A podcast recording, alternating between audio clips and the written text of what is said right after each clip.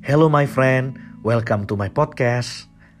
Renungan hari ini judulnya adalah Menggunakan Kebebasan. 1 Korintus 6 ayat yang ke-12 berkata, Segala sesuatu halal bagiku, tetapi bukan semuanya berguna. Segala sesuatu halal bagiku, tetapi aku tidak membiarkan diriku diperhamba oleh suatu apa pun. Amin. Sebagai anak Tuhan yang sudah ditebus oleh Yesus, sudah seharusnya kita tidak lagi diperhamba oleh sesuatu apa pun kecuali Yesus sendiri.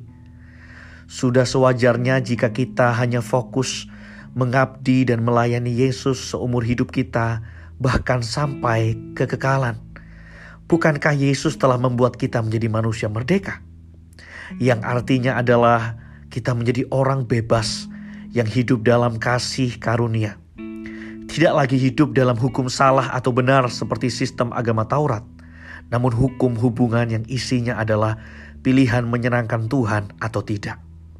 Dalam hal ini, Tuhan tidak lagi memaksa kita seperti pada kitab-kitab Taurat di Perjanjian Lama. Tuhan hanya bisa menginspirasi kita dengan kasihnya, namun sisanya adalah keputusan kita.